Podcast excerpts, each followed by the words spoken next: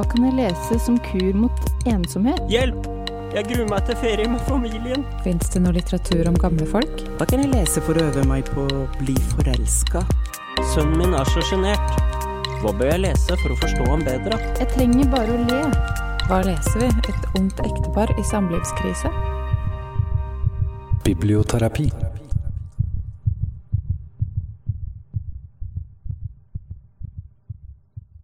Tusen takk, og velkommen til Bibliopodden og til kveldens biblioterapeuter Osman Chaudhry og Adrian Øskal Lorentzen.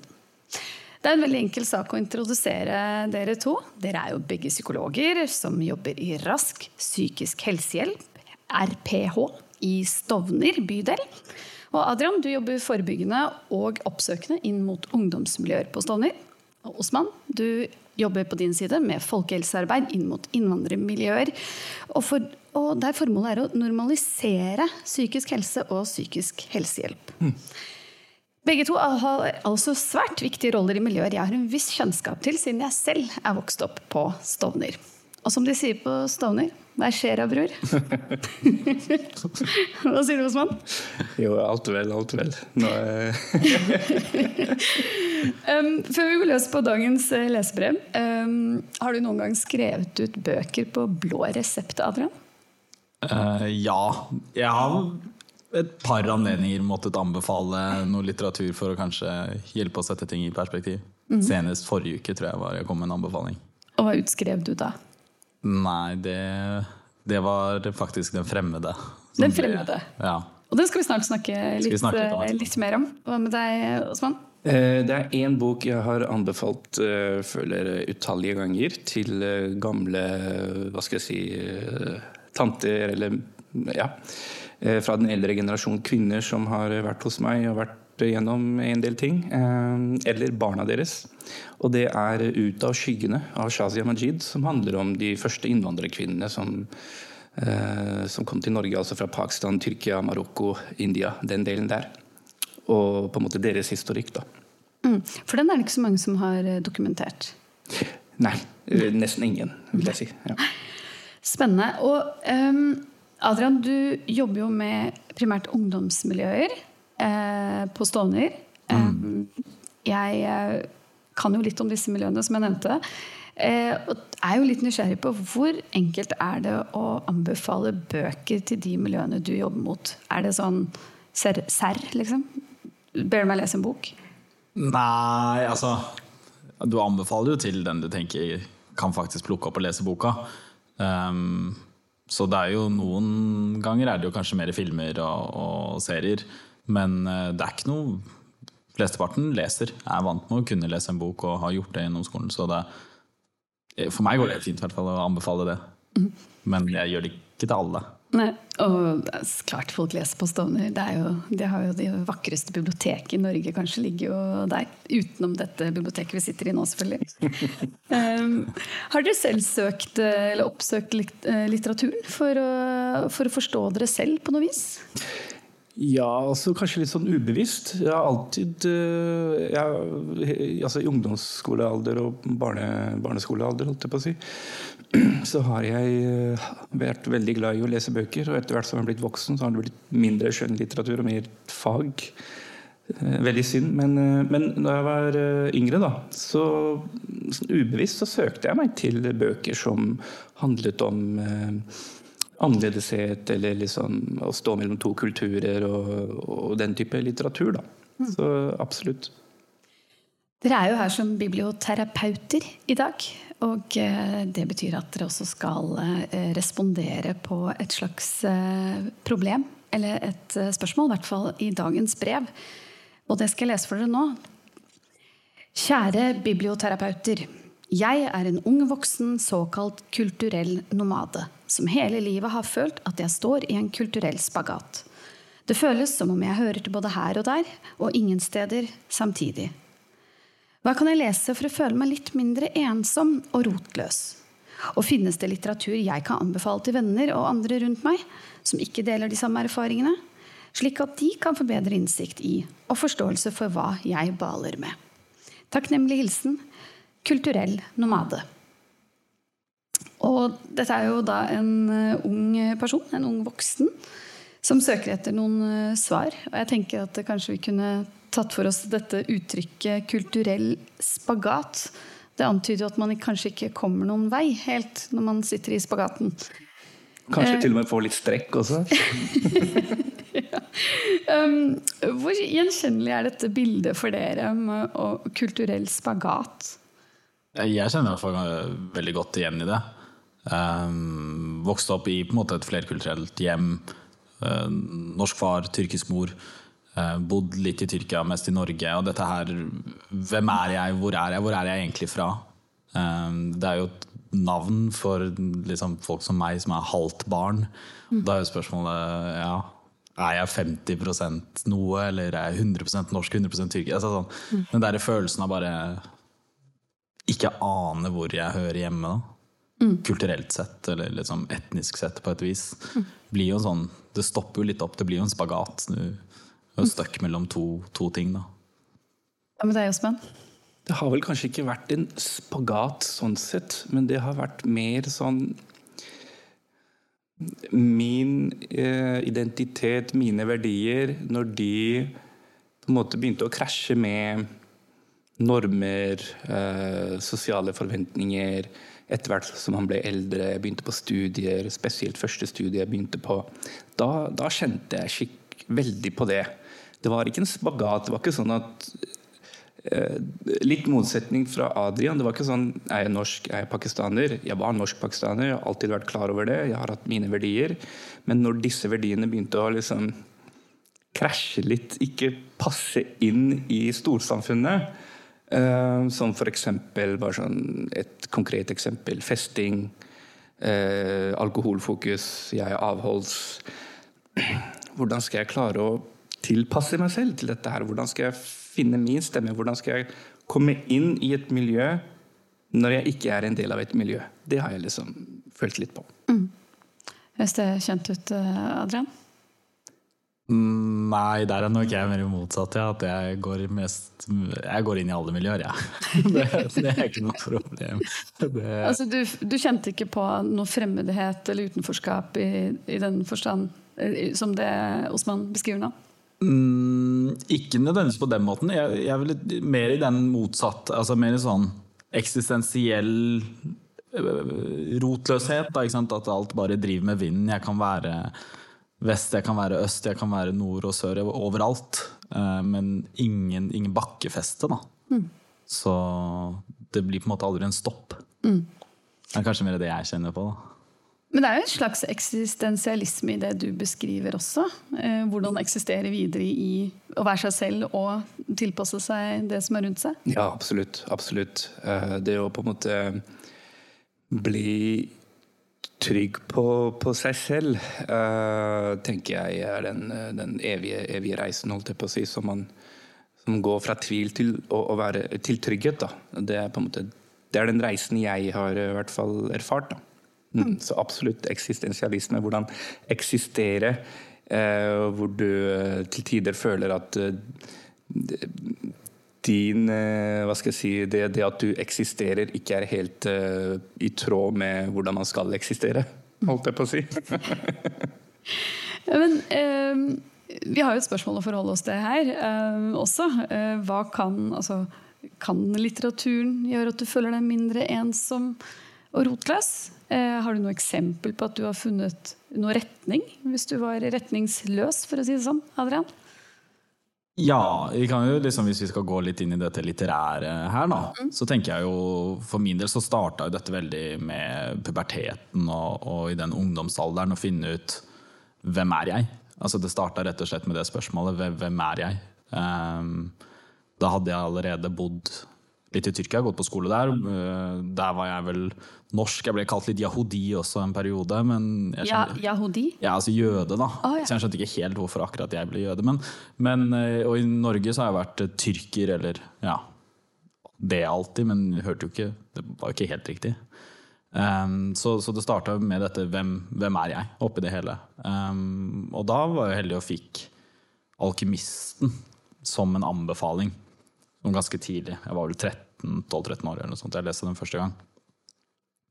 Og det handler jo om dette med å finne sin egen vei da, eh, i livet. Søke, søke sin personlige legende, åpne hjertet sitt.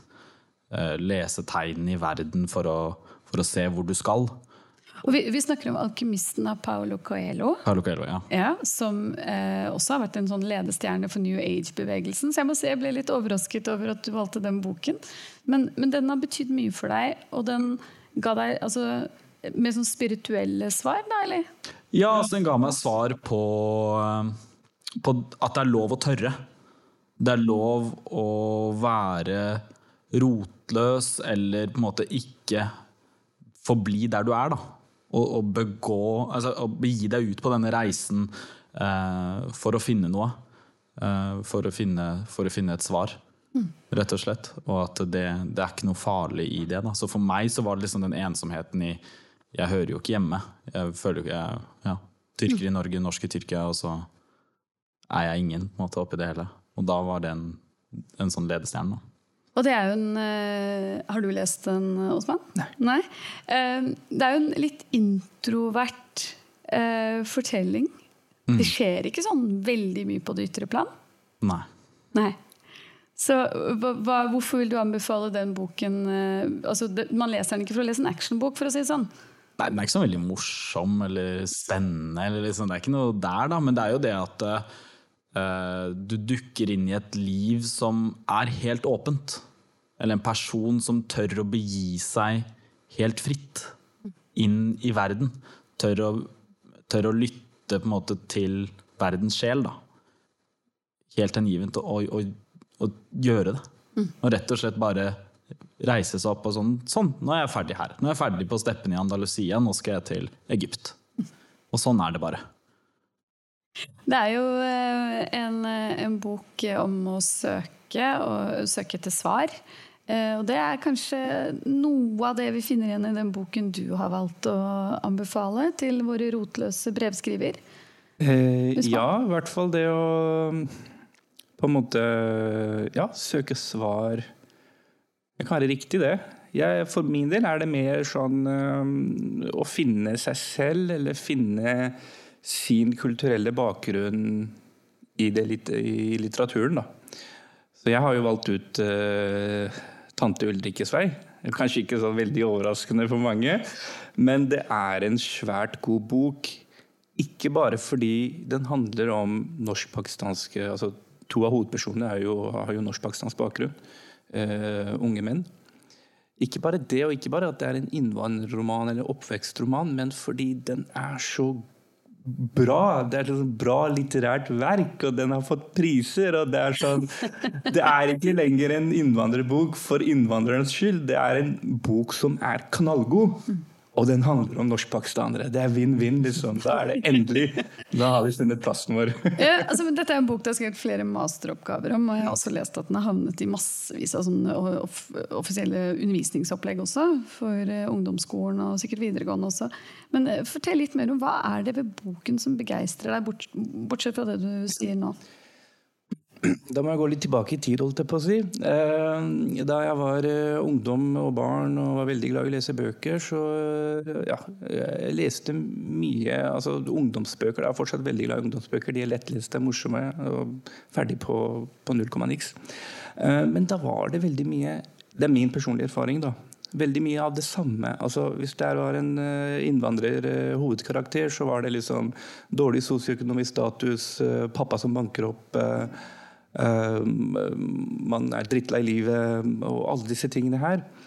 Eh, liker ikke skolen, uh, syns alle er rasister osv. Så, videre, og så, videre. så det var liksom mye av det samme, selv om jeg leste. Ble veldig oppslukt av det, likte det. Men eh, Og jeg må innrømme, det tok lang tid før jeg leste 'Tante Ulrikkes vei'. Fordi jeg tenkte 'here we go again', på en måte. Men det jeg likte veldig godt med den, var at det var to vidt forskjellige karakterer. Og jeg tenkte ja, endelig er det en karakter her som heter Mohammed, men kaller seg for Mo, som representerer meg. For den er flink på skolen, han har lyst til å satse på skolen, han har lyst til å gjøre noe ut av livet. Men egentlig så kjente jeg meg mer selv i Jamal, som var denne Stovner-gutten og liksom kebabnorsk og ja, skole er ikke så viktig osv.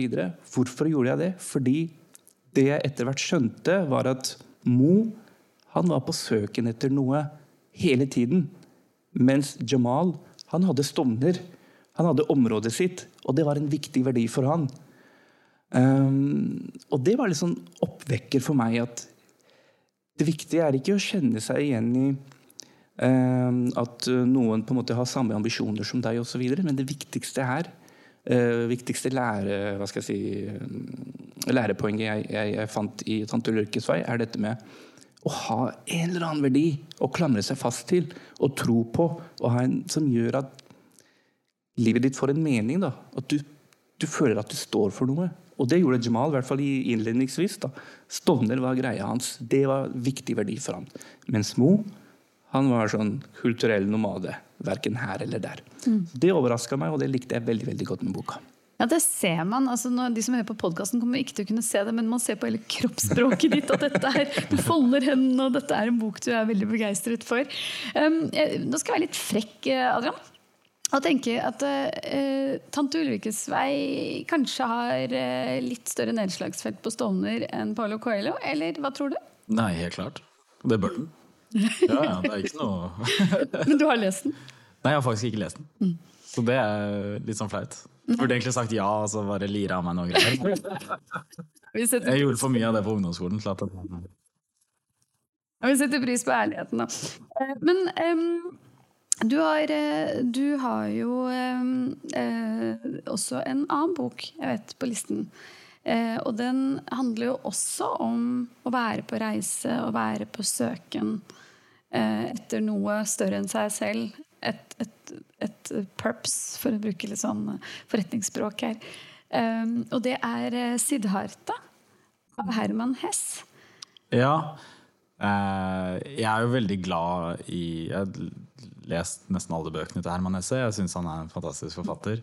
Eh, men akkurat den er jo, er jo nettopp eh, Jeg går litt inn i, inn i min forståelse av dette med kulturell nomade, med veldig fokus på kanskje den nomadedelen av den reisen. og, og og selv vært en som alltid drømmer om å reise videre og dra, dra videre til neste sted. Da. Masse ambisjoner. Og den er jo Det er på en måte en parallellhistorie til Eh, Buddhas oppvåkning. Eh, med en som deler samme bakgrunn, men går en litt annen vei. Mye likhetstrekk. Altså, Buddha heter vel egentlig Siddhartha Gautama. Eh, og blir, altså blir nevnt i boka som Gautama. da. Så har vi Siddhartha, som er vår hovedkarakter. Og den er veldig, for meg var den veldig interessant for å se at du kan på en måte bli oppvåkt og, og, og få en form for nirvana, men, men, at eh, du må vedlikeholde det. Og det er ikke sånn at bare fordi du skjønte noe én gang, at det er nok. da. At du kan fortsatt falle igjen og gå inn i Han blir spillavhengig plutselig, selv om han gjorde det med ironisk distans. Er kanskje dette med ironisk distans som er noe som treffer meg ganske nært. da, Som er ironisk til livet. Så da da var det litt sånn Oi, ja, det er kanskje ikke så lurt, da. ikke lurt å være ironisk hele tida. Så du finner humor i disse bøkene, altså? Ja. Ja. Mm. ja. tror det. Og, og, humor er ikke du for å liksom håndtere sånne smertefulle ting. Eh, selv så vet jeg at eh, altså når jeg var på min søken og oppsøkte bøker på biblioteket på Stovner, så fant man jo svært lite som man kunne kjenne seg igjen i. Og mitt store, mitt store litterære øyeblikk var jo da jeg fant Hanif Qureishis 'Bydels Buddha'.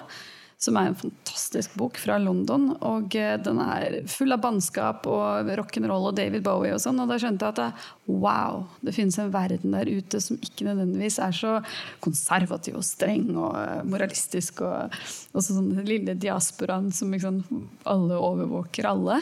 Um, og, det, og, det, og der var det masse humor. Det var så utrolig deilig å bare kunne le. Men du nevnte jo litt det der med at eh, det er jo et litt sånn litt sånn forslitt grep også for å liksom håndtere vanskelige følelser. Spesielt når det kommer i migrasjonslitteratur. Da. Ja, altså, jeg elsker humor. Så eh, ikke misforstå meg. Jeg hadde kommet enda en bok som er full av humor. Jeg hadde nok lest den. Men det er noe med Ok, nå, nå har jeg mange morsomme bøker her, men hvor er den boka som tar meg på alvor, på en måte? heller. ja, altså, jeg sier ikke at humoristiske bøker ikke tar problematikk på, på, på, på alvor, men dette med den boka som er skrevet såpass bra at den blir en del av på en måte den samtidslitteratur, eh, hva skal jeg si, historien, eller finner sin plass der, da, som 'Tante Ulrikkes vei'. Eller som vi nevnte tidligere, sagprosaboka uh, 'Ut av skyggene'. Uh, så humor er bra. Er, jeg elsker det. Men det må også være noe mer nå. Jeg er kresen nå. Nå skal det være noe mer. ok, ja, Hva tenker du på da? Du er kresen nå. Betyr det at det, nå er det såpass mange bøker innenfor det som før het innvandrerlitteraturen? Eller nå blir det mer sånn diplomatisk kalt for migrasjonslitteraturen.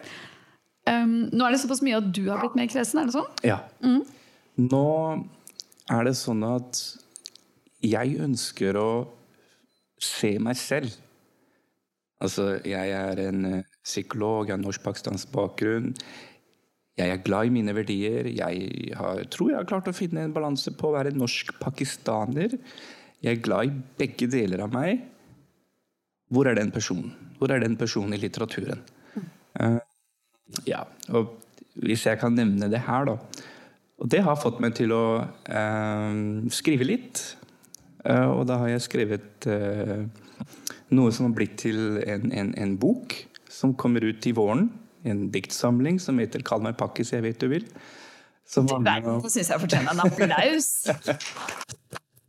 Eh, og igjen Tittelen kan kanskje være 'Ja, ja, nå er du en av dem', da. Men det er mer enn om For det jeg syns har manglet litt, da, det er jo dette med psykisk helse og, og gutter og psykisk helse. Flerkulturelle gutter og psykisk helse. Så da har jeg prøvd å gjøre min del da, i, i dette her. Og kalle meg pakkis er på en måte den eh, det å, Når man noen ganger er eh, veldig langt nede, og man ser seg selv i speilet og tenker 'fy faen, du er en pakkis', ass. Eh, så det er på en måte en ordspill til det, da. Mm. Eh, så da har jeg prøvd å gjøre min del, og jeg tenker nå kommer det mange flere dyktige eh, forfattere. Og det kreves mer av dem også, tenker jeg, som f.eks. Zishan Shaker, som nå har skrevet en trilogi alle bøkene Han var ikke sånn one hit wonder. ikke sant? Alle bøkene har fått like god mottakelse. Uh, så, så, så, ja, jeg har blitt kresen. Nå må det være, I tillegg til morsomme bøker, så må det være knallgode bøker også. Mm. Den uh, utfordringen sender vi ut der. Skriv gode bøker. Men du har jo også med deg en bok her mm. uh, som heter Sven Hamad. Ja. Hvorfor har du med deg akkurat den, og hva er dette for en bok? Ja, Eh, den heter Sven Hameds journaler. Eh, dette er en svensk bok, en ungdomsbok, eh, som jeg har med egentlig som et eksempel på hva slags bøker som jeg føler har vært der før kanskje 2010. Um, morsom bok, veldig fint skrevet, også vunnet priser. Veldig bra, men litt sånn mye av det, det fellestrekket her er på en måte lav sosioøkonomisk status, drittlei livet, eh, fremmedgjort osv. Um, eh, ikke skoleflink og på en måte masse problemer. Um, men han, han, Sven Hamed, da, som er hovedkarakteren her, skrevet av en svensk uh, bosnisk forfatter som heter Sulmir Besjevik, jeg håper jeg sier det riktig.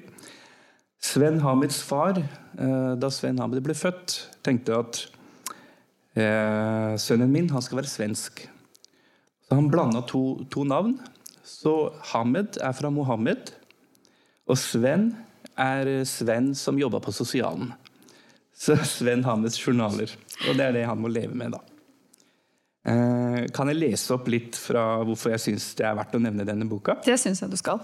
Og Dette er egentlig i, begynnelsen av boka, når han skal introdusere journalene sine. Han liker ikke å kalle det for dagbok, fordi det er det jenter gjør. Eh, så han kaller det for journaler, som eh, James Bond skriver. Eh, og Da har han lyst til å klargjøre et par ting før han begynner å lese disse journalene. Og det er på en måte noe han liksom, liksom sier rett ut. Da. Det er ti på en måte, prinsipper eller ti, ti klargjøringer han kommer med her. Jeg skal lese seks av de.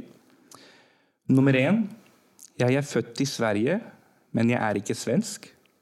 To Jeg kan svensk bedre enn svenskene, men jeg er ikke svensk. Tre. Svensk er faktisk det eneste språket jeg kan, men jeg er likevel ikke svensk. Og så går vi litt videre. Um, åtte. Jeg bor i Sverige, men jeg lever ikke i Sverige. Ni. Jeg kan aldri bli svensk. Ti. Jeg har nok heller aldri lyst til å bli svensk.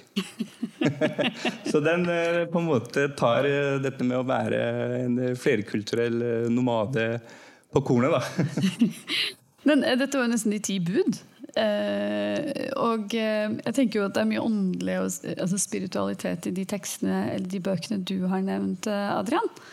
Eh, er det sånn at du eh, Og vi har jo en altså Mennesket har jo mange religiøse bøker. Og mange av dem er jo rett og slett designet sånn at de skal trøste oss og gi oss retning og veilede oss. Dette kommer fra en ateist, altså dette spørsmålet. Men eh, kunne du, eller du Osman, kunne dere ha anbefalt religiøse bøker? Kunne dere ha sagt til vår brevskriver her f.eks. at uh, se om du finner trøst i din uh, altså, i en bibel eller Koran eller Bhagavad Gita eller Talmud? Ja, uten tvil. Ja, ja. ja. Mm. Absolutt. Jeg, jeg, gjør, jeg, gjør, en del av det, eh, og har også uttalt meg om det i, i media. Om dette med å dra eh, religiøse verdier, religiøs praksis, som en viktig ressurs for pasienten inn i terapirommet. Da må man selvfølgelig se litt an. ikke sant? Er det en viktig verdi for pasienten i det hele tatt? Og da er det på en måte å ta, integrere religiøse aktiviteter, religiøse prinsipper inn i det vi jobber med, da, kognitiv terapi. Eh, og på en måte gjøre, det, gjøre kognitiv terapi mer gjenkjennbart og mer eh, mindre hva skal jeg si, fremmedgjort for, for pasienten. da, Ved å dra inn eh, religiøse ritualer, praksiser, som kan på en måte pakkes inn i, et eller annet kognitivt, eh, en eller annen kognitiv metode. Så absolutt. Men vil ikke det også kunne bli litt vanskelig? Hvis f.eks. noe av vår brevskriver her sitt Kanskje utfordringen kommer fra noen religiøse problemstillinger? da? At det er noe, noe som er vanskelig hjemme fordi nettopp pga. religion? Ja, altså du kan jo si at eh, det er ikke sånn at eh, religion er dogmatisk nødvendigvis. Da. Det er jo noen kanskje som tenker litt på det sånn, men, men eh, det, altså, veldig, veldig mange religioner deler jo veldig mye like, veldig mange like tradisjoner, veldig mange like forståelser av mennesket. Dette med å elske din neste og ikke drive med vold og litt sånn, sånn som dette her. Eller, eller, bønn, som er jo en veldig viktig del for mange. Jeg tenker ofte på dette med bønn som en en liten pause i hverdagen. Uh, om du gjør det litt sånn new age uh, gjennom meditasjon eller mindfulness, eller om du uh, ber før du legger deg til Gud, eller om du ber fem ganger om dagen til Allah. Altså, det, er en, det, er en, form for pause i hverdagen hvor du kan måtte, vaske hodet ditt litt. Da. Du, kan, du kan få en liten sånn reset. Så, så, det er mulig å ta ut sånne ting. Eh, å beholde noen Uh, sunne, eh, viktige deler av den hverdagen du har vokst opp med og kommet fra. Men, men ja, hvis det er ting som er skadelig, så er det skadelig på et vis. Altså, det er viktig å anerkjenne det også. Det som gjør vondt, gjør vondt, og det som ikke funker, funker ikke. Så, så hvorfor skal man nødvendigvis da videreformidle det i sånn veldig stor grad? Og, og, det er en grunn til at nesten alle religioner har flere underarter. Folk er ikke enige. Det er mulig å være uenig og tolke en bok på forskjellige måter. Mm. Og da tenker jeg hvorfor skal ikke du da få tolke det på din måte? Mm. Hvis din måte er å kunne beholde ett aspekt av alle de hundre som er der, så gjør det. Du kan fortsatt være muslim eller kristen, eller hva enn du vil kalle deg. Og det, Møter du mye på det, Osman, du som jobber mot kanskje mer voksne miljøer, eller? Um, altså det religiøse spørsmålet? Ja, altså om å, om å søke trøst i, i, de religiøse bøkene? Ja, Altså, det, jeg, det, jeg må være litt sånn klar på, det er jo at jeg er jo ikke ekspert på islam. Jeg er jo ikke ekspert på kristendommen eller jødedommen, hinduisme, hva det nå enn er. Jeg er jo ikke ekspert på det, så jeg kan ikke liksom begynne å uttale meg om det store spørsmålet om Gud og osv. Men for min del, som en, som en, terapeut, som en psykolog, så er det dette med å Eh, I samtaler, da, hvis det kommer fram et eller annet som pasienten allerede gjør av religiøs praksis, så er det egentlig det jeg fokuserer på. Det er jo aktiviteter. Det er det vi på fagspråket kaller atferds, atferdsaktivering. Det å på en måte bryte ut av den passiviteten sin, bryte ut av den negative styrka man kan grave seg inn i ved å dra inn noe som er gjenkjennbart for deg. Noe du finner mening i, noe du finner verdi i. Um, og da er det ikke nødvendigvis det at mm, les i Koranen, og der står det sånn og sånn, på en måte. Men da blir det mer sånn Ok, uh, hvis du syns at det å be har gitt deg noe før, og det er noe du savner, hvorfor ikke dra det mer inn? Istedenfor kanskje trening eller uh, noe annet sosialt som man kanskje vanligvis anbefaler. da. Så det er mer, mer det tekniske av det da, enn mer det, de store spørsmålene. Vi skal gå fra en eh, gud kanskje til en eh, fotballgud, fordi du har med deg en bok som jeg liker faktisk veldig godt. eh, Og som er kanskje ikke den første boka jeg hadde plukka med meg da jeg var 15. eh, Men som jeg som voksen kvinne hadde det veldig morsomt med, og det er Zlatan-boka. Mm. Som jo er jo en sånn against all odds-historie. Koste meg veldig med den. Ja. Hvorfor har du med deg den, Osman? Fordi han er en eh, knallgod fyr, holdt jeg på å si. Nei da. Jeg har med meg den fordi dette er et eksempel på det vi kaller for fagspråket resiliens. Eh, det heter vel tannløvebarn, er det ikke det det heter? Løvetann. Løvetannbarn, ja. Tannløvebarn. Ja, same, same. Ja. Eh, Løvetannbarn, ja. Dette med resiliens, det å på en måte ha troen på seg selv. Altså Zlatan kommer jo fra det vi kan kalle for eh, Sveriges Holmlia, på en måte. Um, ikke delt eh, ut de beste korta i livet. Um, men likevel den enorme troen han har på seg selv. Og det å klare å få til noe, det å motbevise folk. Og så på en måte den driven han har, den tror jeg alle vi som på en måte prøver å finne vårt, liksom, vår, vår plass i, i verden, og spesielt vi som kan føle oss som liksom, nomader, kan lære noe av. Fordi vi, det jeg vil si, da, er at vi kan kanskje bli litt flinkere til å tro litt mer på oss selv. Til å tro på våre ressurser. Til å tro på at vi også har noe å bidra med. Det at jeg er unik, det er en ressurs, det er ikke en svakhet. Og det er Zlatan det beste, det beste eksempelet på. Og også på en måte eh, I tante Ulrikkes vei, Jamal, han er én verdi, og det er Stovner. Den gir han ganske mye, i hvert fall innledningsvis. Og i, i Sven Hamids journaler så har du Sven Hamids lillebror. Um, som er helt motsatt av Sven Hamid. Han, han liker å lese bøker, og han, han på en måte leser filosofi og alle disse tingene her. Han har funnet sin, sin greie, og han holder seg til den. Og det er på en måte er det én ting jeg har lyst til at folk skal gå ut med i dag, og det er det å på en måte bli litt tryggere på at din, det at du er unik, er den beste ressursen du har. Og bruk den for all den er verdt. Tro på den, og ha de verdiene du syns er viktige for deg. De må du på en måte holde nært ditt hjerte og på en måte være litt fast bestemt på de. Og tenke at, og Sunne verdier, da selvfølgelig. At dette er noe som jeg kan stå for. Noe jeg har lyst til å stå for. Fordi da vil du ikke sveve som Mo i Tante Ulrikkes vei og på en måte alltid jage etter noe mer, noe mer, noe mer.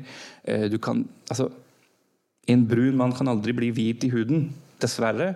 Og da må du finne på en måte din, din balanse her. da. Det, det å være bindestrekmenneske, f.eks. At det er den beste ressursen du har. Wow. Det er en kraft, eh, krafttale. Jeg tenkte på dette du sa med verdier eh, og verdisyn.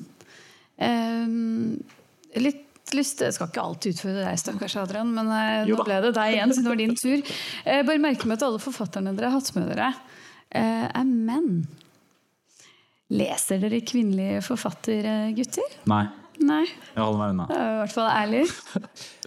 Jeg har nevnt Ut av skyggene. da. Det har du faktisk, det skal du ha. Ja. Norsk-pakistansk journalist, kommentator i VG. Ikke sant?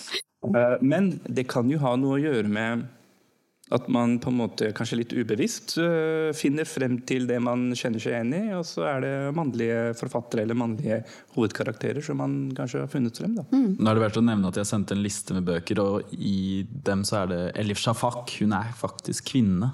Så ja, ja. Det var litt sånn. Det er sant. Du var ned, nederst på lista. men men du, har, du hadde lyst til å snakke om en, en bok du også, Adrian, som eh, Jeg var litt nysgjerrig på hvorfor du valgte akkurat den. For det er mange år siden jeg har lest den. Men, så jeg har gått og hørt på den eh, som lydbok nå de siste to dagene. Og du kan få lov til å introdusere den selv. Tenker kanskje på Den fremmede? er det det? Den fremmede Ja, av av uh, Albert Camus. Uh, ja, hvorfor valgte jeg den? Um, det er jo som, Den boka leser jeg også i, i tidlig ungdom og, og har vært med, med på å forme meg. Eh, og, og det har kanskje vært i dette Hva er ytterste konsekvensen av rotløshet? Av å på en måte ikke bry seg, ikke ha en drive, ikke, ikke vite helt hvor man er, hvem man er. Eh, det er en mann som bare driver med. Han bare gjør ting. Det er liksom Jeg hadde boka åpne med eh, 'I går døde min mor'. Eller det var kanskje i forgårs. Ikke sant? Altså den derre nihilismen som bare henger over denne karen. eh, Det tenker jeg, det er jo et kjempebra eksempel på hva som skjer når du ikke har noe håndfast. Eh, og for en person som aldri kjenner på noe håndfast, ikke sant? Er, det, er det den veien jeg beveger meg? Og det er liksom derfor jeg har med den og pleier å anbefale den også, er nettopp det Hva skjer når du ikke følger ditt hjerte, da? Da kan du plutselig ta livet av en mann bare fordi sola var litt varm den dagen. Og det, den, eh, den pleier, pleier du å få noen respons etter at eh, klienten har lest den boken? Eh, nei, de pleier som regel ikke å ha lest den. Det er som regel Ja, ja, det skal jeg gjøre. Ja, okay. Bra. Kanskje du skal begynne med Tante Ulykkes? Ja, kanskje det er Noe interessant her eh, om å lese i sine formative år. De bøkene du leser når du er relativt ung, de gjør ganske dypt inntrykk. De setter seg liksom litt så fast i deg. Eh, dette er de bøkene du har nevnt i dag. Er det sånne bøker? De er alle bøker jeg har lest eh, i min ungdomstid. Så Herman Hess sine ja, 'Narsis og Gullmunn', eh, 'Siddharta' og 'Alkymisten' og, og 'Den fremmede' er alle sånn ungdomsskoleromaner for meg. Det er akkurat som den ene boka jeg hele tiden kommer til å tenke på når du snakker. Det er den der 'Catcher in the Rye'. Du har ikke lest den? Jeg har ikke lest den. Da kan jeg skrive ut den på blå resept til deg, da. Men uh, den føles også som den hører inne med disse bøkene om uh, unge menn som uh, drifter av gårde som på søken etter noe større, da. Hva med deg, Osman? Har du de bøkene du leste da du var veldig ung? Er, det, er det disse som har gjort inntrykk? Ja, altså det, av de jeg leste som, altså, som jeg på en måte husker som har gjort inntrykk, som jeg ikke har med her, men det er en ungdomsbok av uh, Arne Svingen som heter 'Frosten kom tidlig'. Som handler om en vennegjeng, uh, altså 24 timer, uh, og hvordan disse utvikler seg i en vennegjeng. Og en av disse personene har pakistansk bakgrunn. Det syns jeg var så kult, som jeg tror kanskje 14-13-14-åring eller sånt. At her var det ikke en, en, en person som handler om hvordan det er å være innvandrer, men er en del av en handling! Og tilfeldigvis er han pakistaner! Uh, det, det husker jeg sånn veldig godt. Det var skikkelig kult å lese, på en måte, og det var en spennende bok. og uh, ja, så Som dere kanskje legger litt merke til, alle bøkene jeg anbefaler, er mer eller mindre kanskje ungdomsbøker. Uh, men uh, Og her sitter jeg liksom i blazer og penbukse. Det, det samstemmer ikke helt, men det er, det, det er slike bøker jeg liker å lese. Ja, for det er jo, det må jeg si, at eh, da jeg satte meg ned med listene deres, så tenkte jeg wow. Det er liksom, Hvordan skal jeg få tante Ulrikke seg og den fremmede liksom, til å koble seg på hverandre? Men jeg syns det har gått ganske greit hittil. Ja. Um, jeg har eh, det siste altså I våres så var jeg så heldig å, å få utgi en bok som het eh, Norsk nok. Jeg var redaktør for den. og eh, det er en antologi som eh, tar for seg de temaene vi bl.a. har diskutert her i dag. Eh, I kjølvannet av den boken så har jeg tenkt mye på dette med ordet utenforskap. og på mange måter er det kanskje det vi diskuterer litt her i dag, er det ikke det? Eh, at det på en måte har blitt litt sånn unnskyldning for å ikke snakke om veldig mye annet. Altså, Vi snakker om utenforskap, men i visse tekster jeg leser, så kan jeg da vitterlig se at vi egentlig snakker om f.eks. rasisme. Men det er jo ikke egentlig lov å bruke det ordet lenger, føler jeg. Altså Hvis du sier rasisme, så liksom er det bare å pakke sammen og gå. Um, kjenner dere på noe lignende? At det går an å liksom snakke om det høyt? Ja, det føler jeg. Altså, jeg tenker det er jo eh, Det er så mange former for utenforskap, og så kan man jo snakke om Så det, det blir på en måte litt for generelt. Det er jo veldig diffust, litt sånn hårete. Altså sånn utenfor Ja ja, du er alltid utenfor noe. Ikke sant? Jeg er ikke norsk-pakistaner, så jeg er utenfor det miljøet. Det er ikke så interessant å snakke om, men jeg er jo det. Um, så nei, jeg tenker at det, eh, For min del så har det vært veldig fokus på dette med, dette med klasse opp igjennom.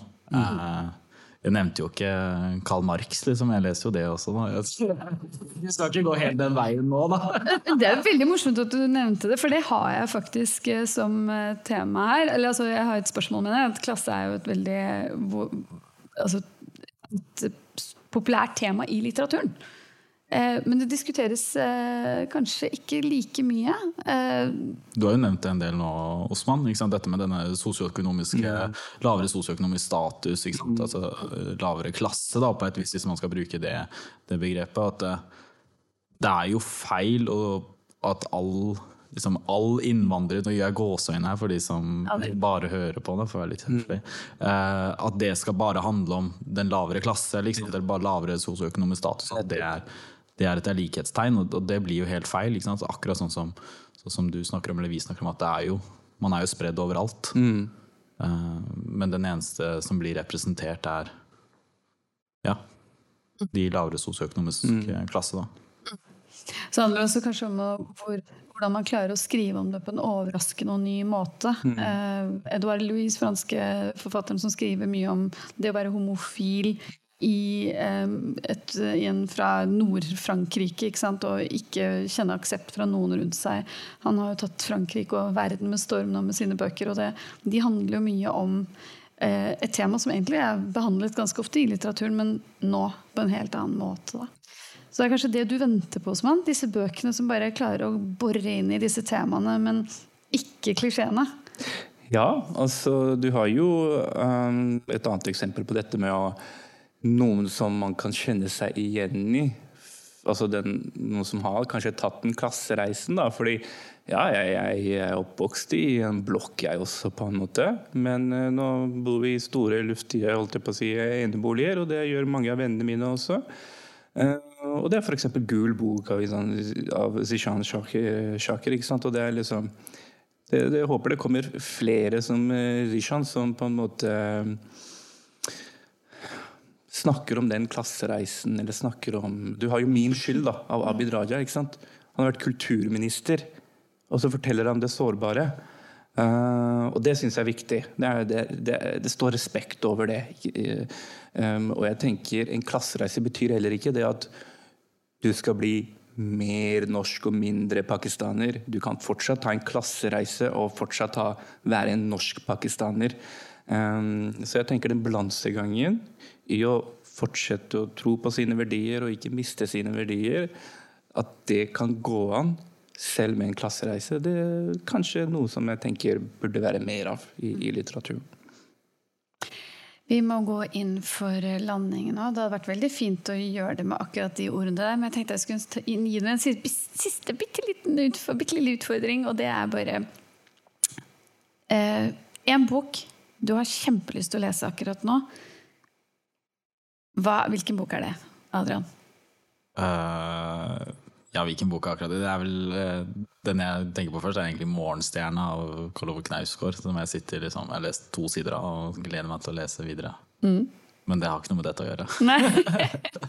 Hva med deg, Osman? En bok jeg har lyst til å lese uh, nå må jeg beklage meg, Jeg husker ikke navnet på forfatteren, men diktsamlingen hans heter 'Mamma sa'. Og Det er en, uh, en fyr fra New York som har jødisk bakgrunn. hvor han skriver veldig morsomt om dette med mammaen sin og setter ting på spissen. Og, eh, og Jeg har lest noen dikter av han, men jeg har lyst til å lese hele diktsamlingen, fordi jeg kjenner meg veldig igjen i dette med mamma. og Han har en jødisk mor, jeg er en muslimsk mor. Og det der med å kjenne og finne noe fellesskap. Så jeg har lyst til å lese det. Jeg har lest den, og den moren er jo fullstendig ko-ko. Eh, og hvis noen av dere kommer på hvem forfatteren er, så kan dere sende navnet til eh, Osman på hans Instagram-konto. Og så tror jeg vi sier tusen hjertelig takk til dere begge to. Takk, Adrian. Takk Tusen takk, Vel, takk.